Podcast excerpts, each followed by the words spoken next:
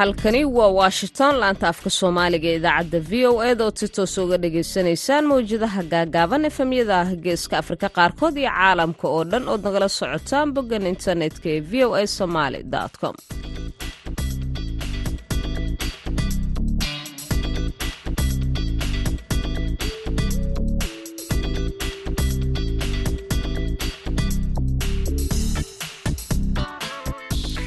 duhur wacan oo wanaagsan dhegeystayaal. Waa maalin arbaca ah oo bisha sebteembar ee sanadka labadakuniyosdeylabaatanka ay tahay. Toddobayoabaatan afrikada bari saacaddu waxay tilmaamaysaa kowdii iyo barkii duhurnimo. Idaacadda duhurnimo ee barnaamijka dhallinyarada maantana waxaa idinla socodsiin doonta anigoo ah sahra cabdi axmed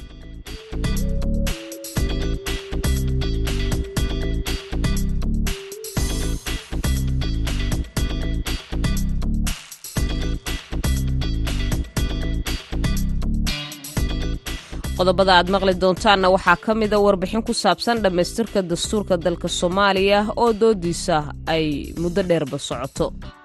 Ma jiro dastuur adduunyada intaas oo waddana ku yaalla labada boqol ku dhow ay lacagta gashay iyo wakhtiga galay ay gashay ka soomaaliya marka laga reebo. Welina waxaad mooddaa inuu qabyo yahay istiil soomaalidii ay kala aamin baxsan tahoo aad moodid inay aaminsan inuu degdeg ku jiro sidoo kale waxaad maqli doontaan sare u kac dhinaca maciishada nolosha ah oo laga dareemaya dalka kenya taasi oo saameyn ku yeelatay dad aad u fara badan. Qodobadaasi iyo warar kale oo ciyaarihii ay ka mid yihiin ayaan idiin haynaa balse marka hore ku soo dhowaada warkeennii dunida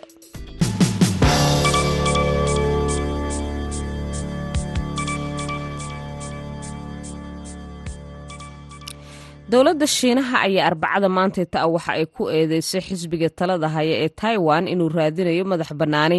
Maalin kadib markii madaxweynaha jasiiradaasi iskeed isu maamusho uu u ololeeyay taageerada australia si ay ugu biirto heshiiska ganacsiga ee gobolka afhayeen u hadlay xafiiska arrimaha dibadda taiwan ee shiinaha ayaa sheegay in dhowlatuska militari ee shiinaha ee dhowaan ka dhacay taiwan loo sameeyey si loola dagaalamo kibirka xoogaga goosadka ee taiwan.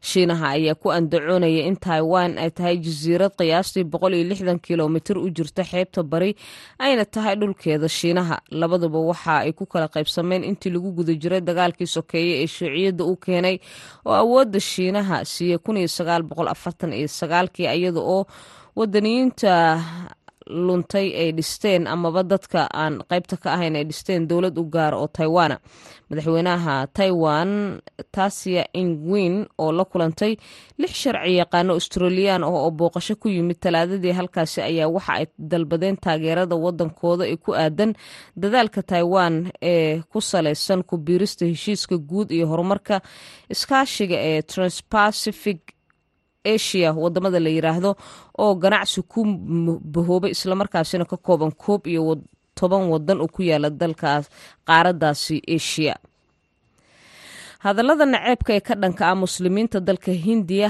ayaa celcelis ahaan waxaa la sheegay in maalinkiiba in ka badan hal mar la arko qaybtii hore ee bilaha sanadkan ka waxaana ay tahay mid ka badan marka loo fiiriyay ayaa la yiri sannadkii la soo dhaafay. Doorashooyinka sida lagu sheegay warbixin ay soo saartay hinduwet watch hay'ad la yiraahdo oo fadhigeedu uu yahay washington lana socoto weerarada ka dhanka ah naceebka iyo dadka laga tirada badan yahay ayaa waxa ay sheegeen in arintaasi ay u muuqato mid soo badanayso.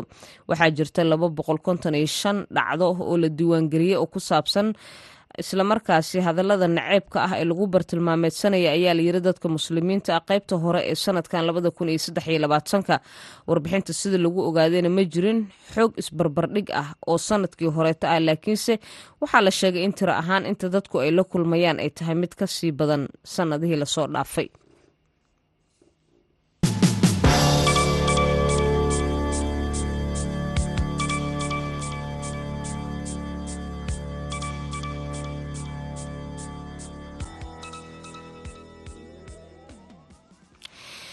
weli waxaad dhegeysanaysaan washington afrikada bari xiligan waxa ay dhaaftay lixdii iyo barkii xaggeenna afrikada bari xaggiinana waxay dhaaftay kowdii iyo barkii duhurnimo. Weli waxaad nagala socotaan barnaamijkeena dhalinyarada maanta ee laanta afka soomaaliga idaacadda v o eda waxaa dhaqaalo badan uu ku baxay islamarkaasina muddoba dooda ay ka taagneyd dhammaystirka dastuurka federaalk ee soomaaliya. Haddaba sidee looga gudbi karaa caqabadaha wakhtigan jira? Warbixin ku saabsan arrimaha dastuurka iyo doodaha ay yeesheen xubnaha ka qaybgalay doodaasi waxaa noo soo diyaariyey soona jeedinaya cabdulqaadir maxamed cabdulle dooda la xiriirta ka hadalka ee dhammaystirka dastuurka kumeelgaarka hadda waa mid toban sana jirsata marka loo eego xilligay ka soo gudubtay. Odayaashii dhaqanka ee tobankii meel mariya laguna wareejiyey dowladdii ugu horraysay aan kumeelgaar ahayn sannadkii laba kun labayo tobankii. Khubarada sida dhow ula socota arrimaha dastuurka ayaa hoosta ka xariiqay inaysan jirin adduunka dastuur ay ku baxday lacagta ku baxda midka soomaaliya oo doodiisu ay socota muddo ka badan toban sano. Dowladnimo waddan kastaba waxaa sal u ah inuu waddankaasi dastuur leeyahay ah heshiis bulsho. Laakiinse waxaad mooddaa bulshadeennu inay maaragtay adag tahayba inay heshiiso. Waxay ku qaadatay dastuurkan dooddiisu iyo maaragtay ka hadalkiisu dhowr iyo toban sannay maraysaa. Waxay maraysaa boqol milyan in ka badan oo kharash ku baxay. Ma jiro dastuur adduunyada intaas oo waddana ku yaalla labada boqol ku dhow ay lacagta gashay iyo wakhtiga galay ay gashay ka soomaaliya marka laga reebo. Welina waxaad mooddaa inuu qabyo yahay. Stiil soomaalidii ay kala aamin baxsan aad moodida inay aaminsan inuu degdeg ku jiro. Qaar ka mid ah aqoon-yahanka soomaaliyeed ayaa qaba in dowladnimadu gundhigay u tahay inay leedahay dastuur la dhaqan geliyo heshiis lagu yahay.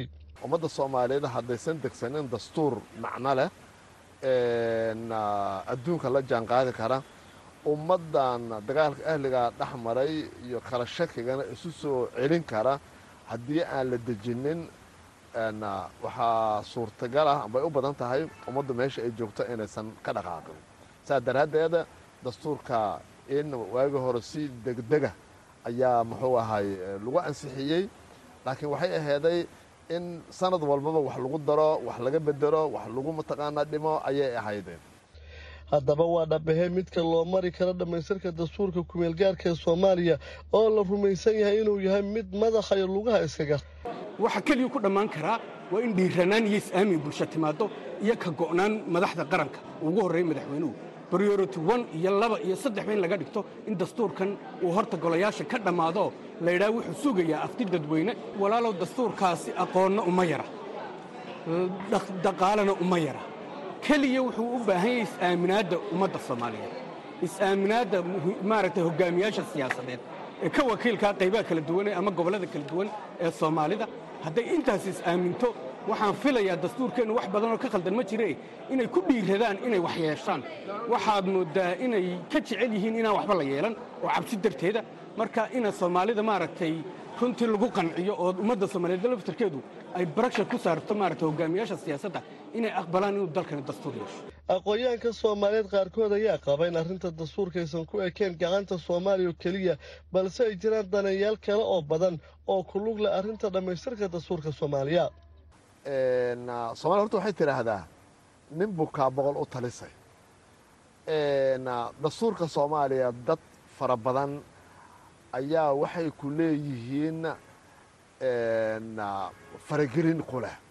Rabaa ayagu sida ay la tahay amba siday jecel yihiin in dastuur laga dhiga ayaa la rabaa danaha marka oo soomaaliya iyo danaha dadka daneeya arrimaha soomaaliya marar badan waa iska hor imaanayaan waana isdiidan yihiin. Taa ayaa waxay keenaysaa marka dastuurku in uu dhaqaaqi waayo danihii soomaaliyeed iyo danaha shisheeye ayaa isdhexgelila shisheeyahunu toodoo rabaa inuu fuliyo dadka soomaaliyeedna toodii ayay raba marka horta sidaas ayaa mataqaana horta uu ku noqday in uu daaho. Doodaha ku xaaran arrinta dastuurku waa mid looga hadla miisaska siyaasadda balse si salan hoosta looga xariiqin go'aan gaarista maadaama ay taabanayso qadiyada waaweyn. Cabdulqaadir okey v o y muqdisho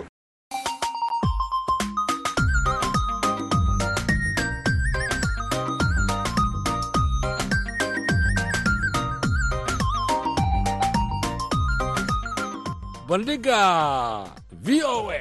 Barnaamijka bandhigga v o a waa barnaamij oo idinku tala gashay laanta af soomaaliga ee v o a bandhigga v o a waxaad khamiis walba kaga bogan kartaa qormooyin kala duwan oo la xidhiidha taariikhda iyo aqoonta guud dhaqaalaha sharciga iyo samafalka.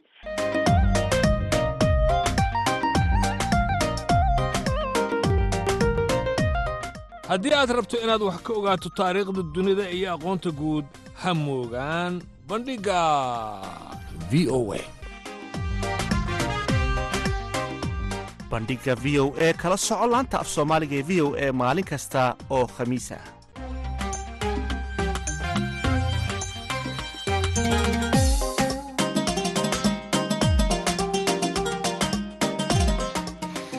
waa tahay halkaasi aad naga dhegaysanaysaan weli waa barnaamijka duhurnimo ee barnaamijka dhallinyarada maanta ee laanta afka soomaaliga ee v o e da markana dhinacii heesaha aan ku wada yaranasano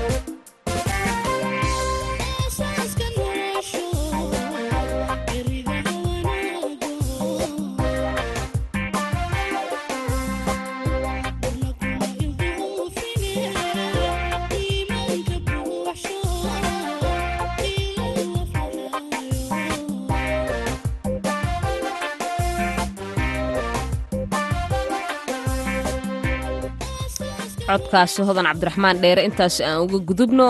Dalka kenya waxaa mar kale kordhay oo sar ukac weyn uu ku yimid qiimaha shidaalka ee dalkaasi. Xilli sidoo kaleeto ay jiraan sar ukaca kaleete laga dareemaya qeybaha kala gedisan ee maciishada iyada oo arintaasina ay keentay in walaac weyn ay ka muujiyaan. Dadka qaar ka mida bulshada kuwa u dhaqdhaqaaqay halkaasi ku dhaqana wariyaha v o eda qadar maxamuud xareed ayaa waxa uu la xiriiray qaar ka mid ah bulshada ay saameysay arintaasi weliba kuwa u dhunduleela arrimahaasi warbixintana nooga soo diray nairobi dalka kenya waxaa toddobaadkan mar kale aad sare ugu kacay qiimaha shidaalka gaadiidka ee dalka oo dhan. Arrintaasoo ay dadweynaha waddanku ay sheegayaan inay aad u saamaysay noloshooda iyo shaqooyinkooda. Si gaar ah waxa ay dhibaatadan ay u taabatay dadka ku shaqaysta noocyada kala duwan ee gaadiidka oo ay soomaalidunu ay ka mid yihiin. Bare cali waxa uu ka mid yahay darawallada gaadiidka soomaalida ee magaalada nairobi hal mar ayuu cirka tagay si aan laga filinaynin buu ma garanaysa hal mar u kacay. Darawaliinta iyo gaadiidleyda maaragtay ku shaqaysta gawaarida runtii aad bay u maraal jabsan yihiin. Wadanka waxaa weeye culeys fara baa ka jiray shaqalaan baa ka jirtay. Dad baa jiri maarata yar dhaqdhaqaaqay ee maarata xagga transport xagga u dhaqdhaqaaqayay. Dadka ayaga waxaad moodaa in maanta ay qoos ka taagan yihiin ma garanaysaa shidaalki. Kulley ilaahay xaggiisa wax ka imaan doona moogi hadda waxaan u rajada. Matari badna dadkan aad bay ma garanaysaa u jabsan yihiin. Waxaan dhihi lahay dhammaan dadka maarata howlahan ay quseeyaan iyo wasaaradaha ku shaqalehba inay si khaasa u fiiriyaan arrintaas. Runtii wadanka noloshiisa isagoo iska sii liidatay oo dhaqaalo xumo iska sii jirtay hadda haddii shidaalkii uu sii qaaliyoobo ee meesha maciishadii hore ay ay qaali ka yahay shidaalkan uu sii noqdo waxaad moodaa in nolosha dhan maarata ay ay ay maarata dhulka gelayso sare u kaca qiimaha nolosha waddanka kenya ayaa ka mid ahaa waxyaabihii sababay dibadbaxyadii dhowaan dalka kenya ka dhacayay ee ay dhigayeen xubnaha isbahaysiga mucaaradka kenya kuwaasoo rabshadihii ka dhashay ay sababeen khasaare kala duwan. Ganacsatada ayaa sheegaya in sare u kacan ku yimid qiimaha shidaalka waddanka ay sabab u yihiin noocyada canshuuraha kala duwan ee ay dowladdu ay ku soo rogtay ganacsiga waddanka sida uu sharaxayo cumar ibraahim xuseen oo ah xogayaha ganacsatada soomaalida ee magaalada nairobi. Waxyaalo badan asbiirsaday ayaa u sababa. Number one doolarkii oo cirkaas ku shareeray shilinka maarata meeluusan weligiis gaarin ayuu gaaray. Adduunkana waxa wax looga iibsado mase lagu keensado waxaa waaye doolarka hadba wadan kastana doolarkii siduu qiimaha uu markaas hadduu lacagtiisa ay qiimo sii beesho oo hadda sida kenya sida hadda xaaladda ay tahay boqolkiiba one fifty one uu maraya boqol konton iyo kow maraya shilinkii doolarkii halkii doolar oo lacag kenya marka loo celiyo. Marka qiimahaas waxay keenaysaa marka lacagahaas doolarka wax lagu soo iibsadaa taas nafteeda qeybay ka tahay. Qeybta labaad oo ka ahna waxaa weye canshuurtii dowladda maarata v a t wax la yiraahdo waa horo bishii julay bishii toddobaad waxay ahaan jirtay boqolkiiba sideed lacaga qiimaha lagu daro oo v a t da ah boqolkiiba sideed ahayd haddana boqolkiiba lix tobana laga dhigay v a t da taas nafteed qeybay ka tahay canshuuraha badan oo dowladda maarata inay canshuur badan hesho ay wadanka ay soo maarata ka aruuriso dadka ka aruuriso ay rabto shidaalka. Waxaa la dhihi karaaba qiimaha hadda lagadayo boqolkiiba konton ku dhawaada canshuur iyo magac badan baa loo sameeyey v a t fuel levy waxyaalahan isbiirsaday. Ayaa dowladda maarata ay ka qaada. Canshuurna qeyb weyn ka tahay.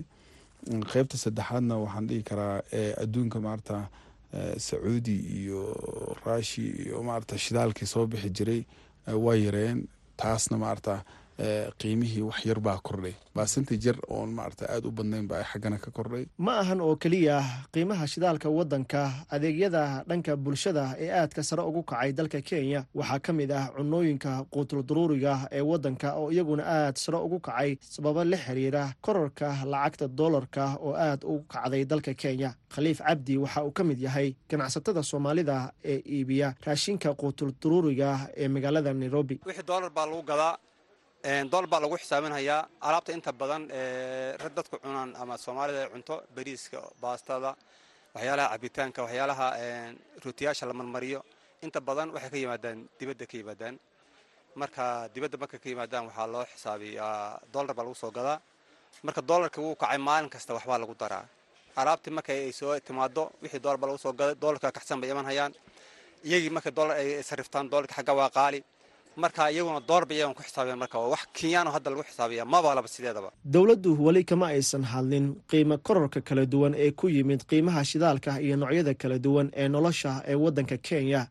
Khadar maxamuud xareed v o a nairobi. Waa hagaag qadar maxamuud xareed aad iyo aad ayuu umahadsanyay markana dhinacii ciyaaraha waa kan maxamuud mascade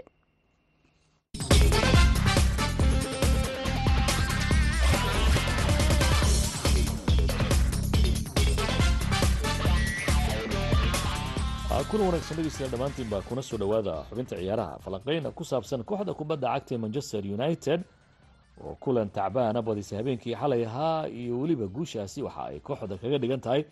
Ayaan barnaamijka ku faaqidaynaa laakiin marka hore aan ku hormaro horyaalka waddanka sbain kooxda kubadda cagta ee safiya ayaa shan gool iyo hal ku dharbaaxday kooxda kubadda cagta almaria mayorkana waxa ay laba iyo laba barbaraha ku celisay kooxda kubadda cagta ee barcelona barbaradan ayaa barcelona kaga dhigan guuldaro oo kale maadaama ay laba dhibcood ku lumisay kooxda mayorka oo sanadkan ka mid a kooxaha sida tacbaanka u ciyaaraya horyaalka wadanka sbain kooxda kubadda cagta barcelona ayaa toddobaadkii la soo dhaafay waxa ay si dirqi ah kaga soo badisay kooxda kubadda cagta ee zeltivigo oo daqiiqadihii ugu dambeeyey ciyaarta ay gadaal saddex gool ka keensatay sidaasina ay u suuro gashay inay dirqi ku guulaysato.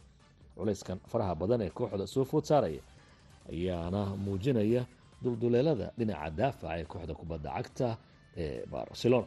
Dhinaca wadanka ingiriiska waxaa la ciyaaray koobka loo yaqaano efl cab oo wareegiisa saddexaad. Kooxa ka badan oo ka tirsan horyaalka wadanka ingiriiska iyo kuwa heerka labaad ay fooda isku dareen. Kulamadii habeenkii xalay ahaa dhacay waxaa ka mid ahaa kooxda kubadda cagta ipswich town oo saddex gool iyo laba kaga adkaatay kooxda kubadda cagta ee wolves oo iyadu ka mid ah kooxaha heerka koowaad ee wadanka ingiriiska ipswich waxa ay ka mid tahay kooxaha heerka labaad ee wadanka ingiriiska. Kooxda kubadda cagta manchester united ayaa iyana saddex gool iyo waxba ku dharbaaxday. Kooxda crystal palace ee ka dhisan magaalada london garoonka old trafford ayay ciyaartan ka dhacday. Guusha manchester ayaa imanaysa toddobaad kadib markii kooxda banley gurigeeda ku soo garaacday. Waana guushii labaad oo xiriira oo manchester united ay gaarayso iyadoo kooxdu maalmihii la soo dhaafay guuldarooyin la daalaadhacisay qadar geelle oo ciyaaraha ka faalloodaha ayaa haddaba ila falanqeynaya guushan manchester united iyo waxay ka dhigan tahay. Qadar adigoo soo dhowaanaya manchester united guushan ay gaartay. Ma guul muhiim ahaa oo la oran karo. Awooddii manchester united ayaa muuqanaysa mise koobka efl cabka laguma qiimeyn karo. Weli awoodda kooxda kubadda cagta manchester united. Ha mascade waad mahadsan tahay su'aasha ay weydiistaan ka jawaabo kaley maanta badashaday badisay manchester united ma oran karo way soo laabatay ama guuldaradii ka soo gaaray weegina soo dhaafay waayo efl cabka waa cab badankood timamka ay fadhiisiyaan lahaibintooda marka koley labadan tim waxay isku imaan doonaan week muxuu ahaa weekendiga soo socda marka hadday ka badito ayaa las oran karaa manchester united soo kabatay laakiin hadda wax micnaha waxay maanta badisay maxaa la kuma fadhiiso gartay laakiin waa guul dadka waxaa la tilmaama mararka qaar kooxdu hadday laba guul isku xejiso koobkay doontaba ha noqotee in ay ciyaartooyda niyadda u dhismayso guusha ay la qabsanayaan taasina ay keeni karto horyaalka in ay dardar la soo gasho marka sidaad sheegtay maadaama crystal palace ay haddana mar labaad la ciyaarayso inkastoo premier league ay tahay oo xaaladdu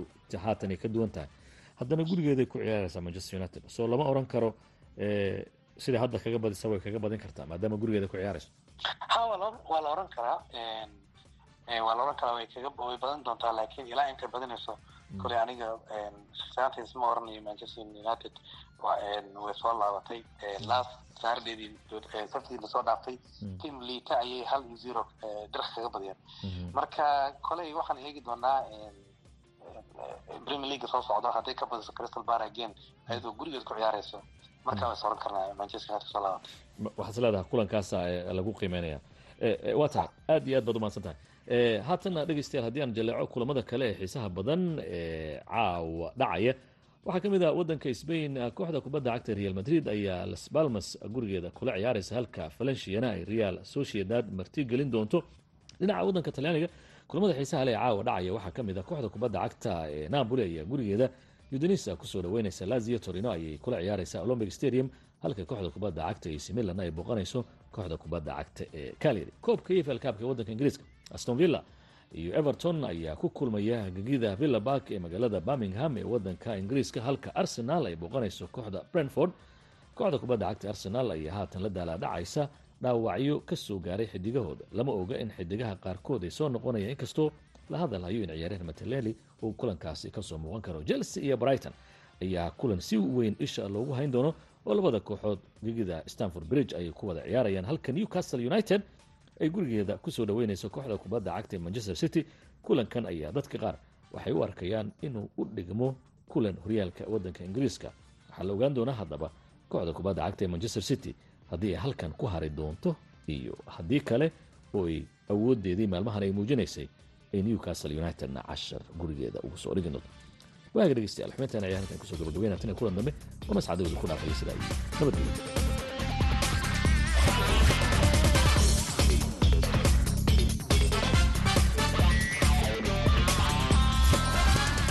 waa hagaag. Intaasi aan kaga gudubno xubintaasi ciyaaraha iyo maxamuud mascade markana dhinacii heesaha ayaan dib ugu noqonaynaa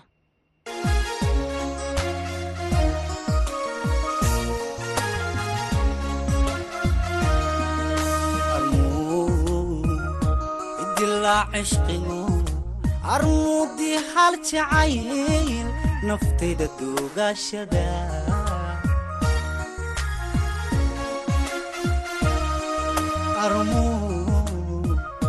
idilaa cishqigo armuudii hal jacayl naftayda duugaashada.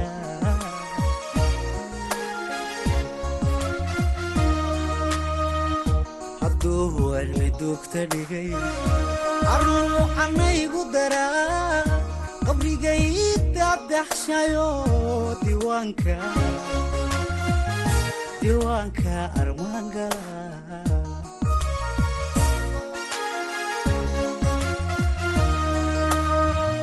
hadduu waalmi dugta dhigay.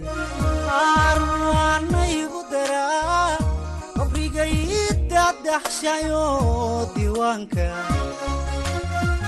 diiwaanka armaangala daymooy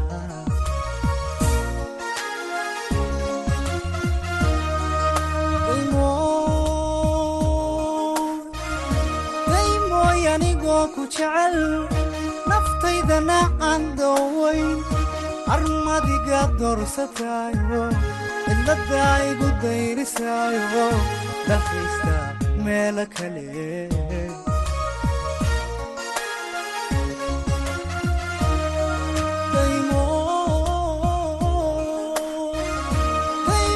anigoo ku jecel naftaydana aan dooway armadiga doorsataa cidladda igu dayrisaayo meelo kale.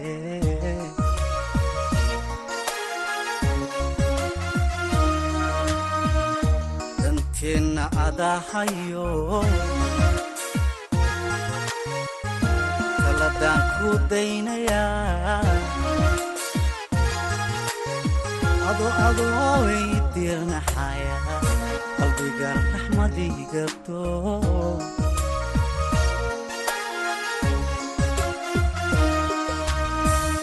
danteenna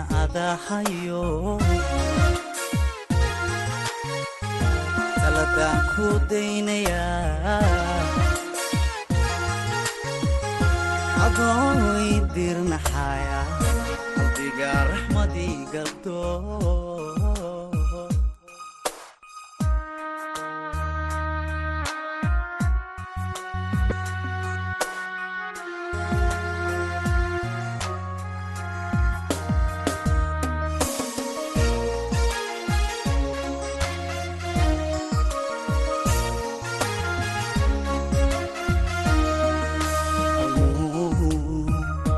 dogigu noqdaa inaan dooriga mudnayn armay dantu caawisaa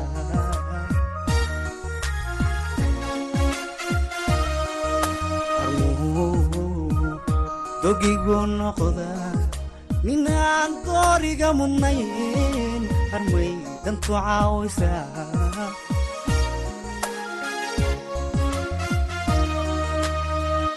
hadday markii dunta loogu xidhay armaad adadaanada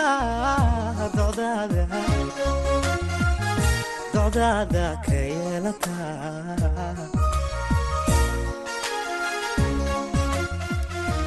heeskaasi guud ahaanba waxay gabagabo u tahay idaacaddeenii barnaamijka duhurnimo ee dhallinyarada. Maanta waa sahre cabdi axmed oo idinle intaynu mar kale kulmi doono nabadgelyo